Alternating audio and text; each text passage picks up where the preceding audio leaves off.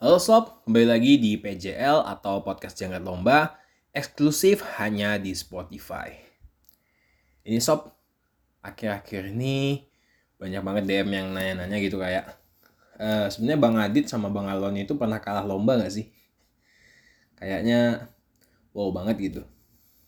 Ya, to the point aja. Kita berdua itu ya pernah kalah gitu. Pernah kalah terus ini memang jadi hal-hal yang momok menakutkan sih.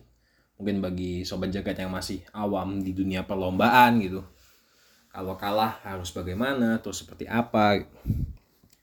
Makanya timbul bahwa eh, sebenarnya hal-hal ketakutan apa sih yang timbul ketika kekalahan dari lomba itu? Apakah itu sangat menakutkan atau tidak gitu? Ya sebenarnya kita balik lagi gitu uh, sebenarnya uh, lebih fokus ke bagaimana setelah kita kalah dari lomba itu sih. Tidak ininya tidak jangan berlarut-larut gitu. Tidak stuck di aku kalah lomba ya udah berarti aku nggak layak gitu. Nggak juga. Kadang kekalahan lomba itu menjadi sebuah cambuk atau bahkan pengingat diri gitu. Cambuk itu artinya sobat jaga harus buat karya lebih bagus lagi dong gitu. Pengingat artinya ini karya ini harus diimprove lagi. Sebenarnya bagus tapi mungkin kurang pas dengan dewan juri gitu. Karena kan juri juga eh, bersifat subjektif juri itu sendiri walaupun ya dari tiga juri empat juri gitu. Dan mereka semua disatukan makanya dari yang awal subjektif menjadi objektif gitu. Dan itu kita harus mencoba terima gitu sob ya.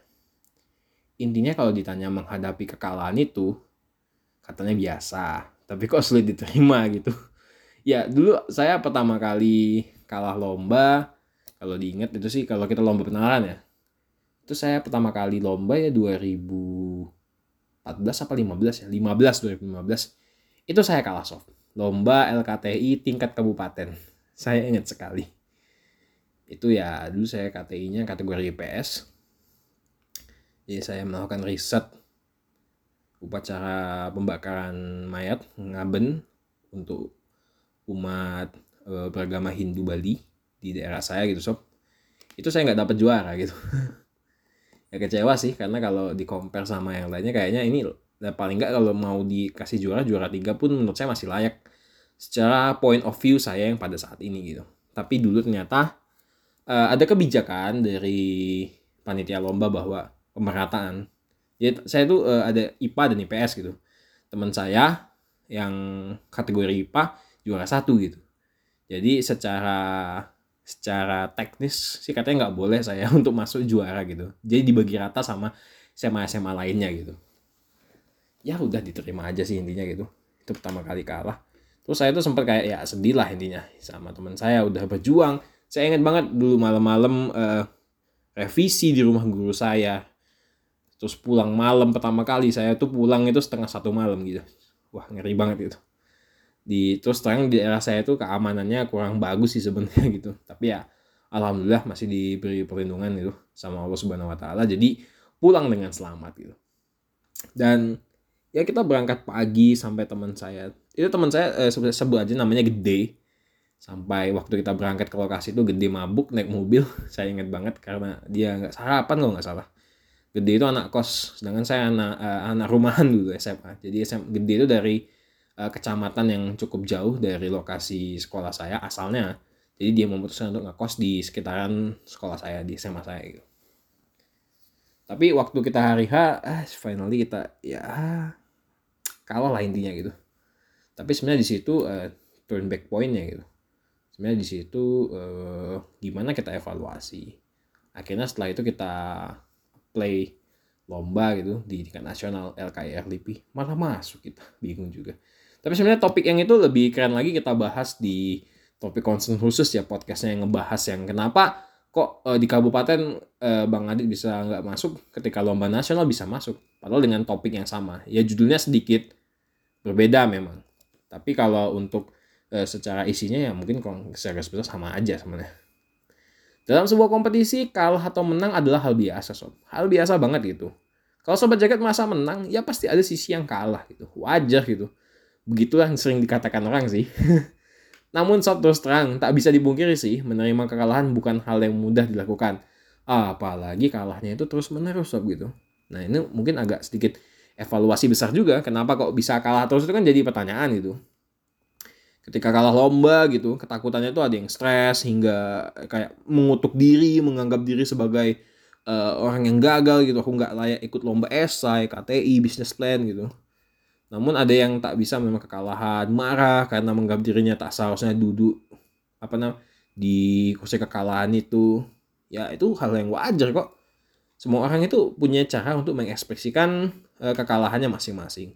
Tapi sob ya tolonglah jangan berlebihan untuk menerima kekalahan gitu. Eh apa namanya? Jangan sampai kalah uh, kalah itu jadikan hambatan. Justru saya bilang tadi evaluasi atau jadi motivasi diri. Paling enggak itu eh kita memperbaiki karyanya kita bisa apply ke event lainnya. Kalah di perlombaan itu bukan berarti pecundang bukan. Apalagi udah masuk final ya itu sebenarnya udah menang gitu. Saya ingat sekali kata mentor saya ya saya sebut aja Pak Ali kamu udah masuk final ini ini udah bagus ini udah pencapaian luar biasa gitu. Perkara menang atau kalah Nah itu menang atau kalah saya ingat sekali gitu. Itu bonus gitu. Kamu udah masuk final, itu udah juara. Menang dan kalah perebutan 1, 2, 3 itu bonus. Ya, namanya kompetisi aja dia harus ada perankingan 1, 2, 3. 4 sampai 5 juga sih ada harapan 1, harapan 2. Ya itu yang ditanamkan mentor saya dan dan tertanam sampai saat ini. Jadi ketika saya nggak menang ketika ikut lomba KTI SI, Business Plan, Invention, eh, international exhibition ya biasa aja gitu. Jadi udah bisa nerima keadaan gitu bukan karena karena apa ya. Tapi sempat sedih-sedih cuma sebentar aja. Saya ingat sekali waktu kalah di lomba di adalah di Bengkulu. Saya nggak perlu sebut nama eventnya gitu. Sedih gitu karena jauh loh. Saya dari uh, dari lokasi saya gitu sama teman-teman saya ke Bengkulu gitu. Naik pesawat adrenalinnya cukup tinggi juga. Saya inget banget itu. Nggak tahu kenapa mau landing malah uh, turbulensi gitu. Tapi kita kalah gitu loh. Dan situ sempat sedih gitu. Tapi setelah kita evaluasi bersama-sama saya dulu bertim bertiga gitu ya sama lawan juga gitu. Ya kayaknya mungkin kurang pas aja sama jurinya gitu. Dan itu adalah hak jurinya. Kita nggak ada hak untuk menyalahkan juri. Yang kita hanya adalah untuk menerima kenyataannya sih gitu Perlu sobat jaga ketahui, kesalahan terbesar dari orang yang menerima kegagalan adalah saat mereka menganggap diri pecundang sob gitu. Ketakutannya itu sih. Dalam situasi ini, eh, sobat jagat yang kalah, eh, menganggap kekalahan itu adalah memalukan gitu. Menakutkan juga. Akibatnya, orang akan takut kalah dan tidak mempersiapkan diri untuk takluk pada lawan. Kalau saya sudah saya bilang tadi, saya sudah ditanamkan mindset oleh mentor saya dulu, Pak Ali itu perkara menang kalah itu udah belakangan gitu. Syukur-syukur juara satu gitu. Nggak dapet ya nggak apa-apa. Kamu udah masuk final tuh udah luar biasa gitu. Jadi mental yang saya tuh udah tertanam gitu bahwa uh, udah siap untuk kalah gitu loh. Udah siap untuk takluk. Dan juga saya sudah siap untuk menang gitu loh. Ketika menang sikap saya seperti apa gitu. Jangan berlebihan kayak wah aku menang aku hebat gitu. Tim anda tidak bagus gitu. Ya enggak. Jangan gitu juga. Itu terlalu berlebihan sob gitu mengekspresikan diri boleh tapi ya enggak itu. Makanya sobat jagat nanya e, ini mana sih prestasi Bang Adi gitu. Kalau Alwan kan jelas tuh di sosial media di upload gitu. Kalau Bang Adi kenapa nggak pernah ngupload gitu? Iya ya saya pikir juga ya nggak perlu itu. Kalau mau ngeliat prestasi saya kunjungi aja LinkedIn cari aja nama saya Aditya Aji Noftara gitu. Terus kok di situ? Prestasinya apa aja gitu. Kenapa saya nggak upload di Instagram gitu? Kayaknya ya itu bukan segmentasi pasarnya gitu apa namanya sama ekspresi saya dengan kemenangan itu bukan seperti itu gitu, tapi lebih ke mensyukuri. Kalau kalah juga ya udah mensyukuri juga. Itu cara saya sih lagi-lagi disclaimer menurut saya gitu. Kalau sobat jagat kalah kita itu nggak bisa sob menghindari rasa kekecewaan tuh. Yang ada tuh kita kecewa kemudian kita aksinya apa setelah itu? Kalau saya udah memang terbiasa menerima kenyataan ya udah sih gitu. Kecewa kecewa gitu. Karena yang kekecewaan itu adalah eh, dampak muncul akibat dari kekalahan sob. Ada rasa sakit yang terasa istilahnya tuh eh, mengakui bahwa ternyata dari kampus lain tuh lebih jago, tim lain lebih hebat gitu ya. Ya udahlah gitu. Gak apa-apa gitu. baiknya kita tuh sobat jagat ya baca-baca lah kisah-kisah orang yang uh, pernah kalah gitu loh sisi lain sob ya orang yang mengaitkan antara kepercayaan diri dan harga diri dengan sikap uh, ulas asik kepada diri. Seseorang bisa mengesampingkan perasaan kompetitif sehingga kekalahan pun lebih diterima sob dengan ikhlas. Tak perlu ada rasa malu sob ketika kalah itu serius gitu serius. Gak perlu harus dikhawatirkan gitu. Penerimaan atau kegagalan ini akan membuat kita lebih jernih dalam mengevaluasi diri. Kalau sobat jagat uh, kalah tidak bisa mengevaluasi diri itu bahaya. Ketika pun sobat jagat menang dan tidak berani untuk mengevaluasi bahaya loh sob itu ketika kita ada itu udah merasa kayak sombong banget wah aku juara satu gitu tapi kita nggak ada evaluasi diri gitu karena sobat jagat kalau tahu KTI saya Agi Uto itu beberapa kali di apply di lomba itu hasil upgradean jadi dari event satu ke event berikut-berikutnya itu ada upgradean. Jadi itu evaluasi diri gitu loh. Saya tanamkan ke rekan-rekan saya bahwa rekan-rekan saya itu semua adik-adik kelas gitu. Ya, ya jangan bersombong diri. Oke lah kita juara satu gitu. Next time belum tentu kita juara satu gitu. Makanya kita evaluasi, kita upgrade karyanya. Yang jelas ini sob. Uh, jangan lupa apresiasi jas. Tetap tunjukkan kebanggaan, katakan bahwa kekalahan itu tahu loh udah enak udah enak kalah itu sob tapi jangan takut tapi jangan takut serius gitu artinya tetap mencoba berani gitu jangan sampai ya membatasi diri lah ketika kalah nyerah gitu. Kalau ini apa namanya? Kan balik ke judul yang menakutkan dari kekalahan lomba ya tadi kecewa stres juga kita nggak bisa menerima diri.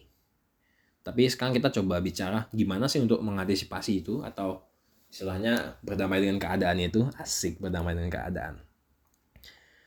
Yang jelas pesan saya itu akui dan terima kenyataan. Udah itu. Itu yang pertama. Awal awal banget. Tapi memang rasanya kayak berat sakit banget gitu kayak ngakuin gitu ah kalah gitu. Kalah.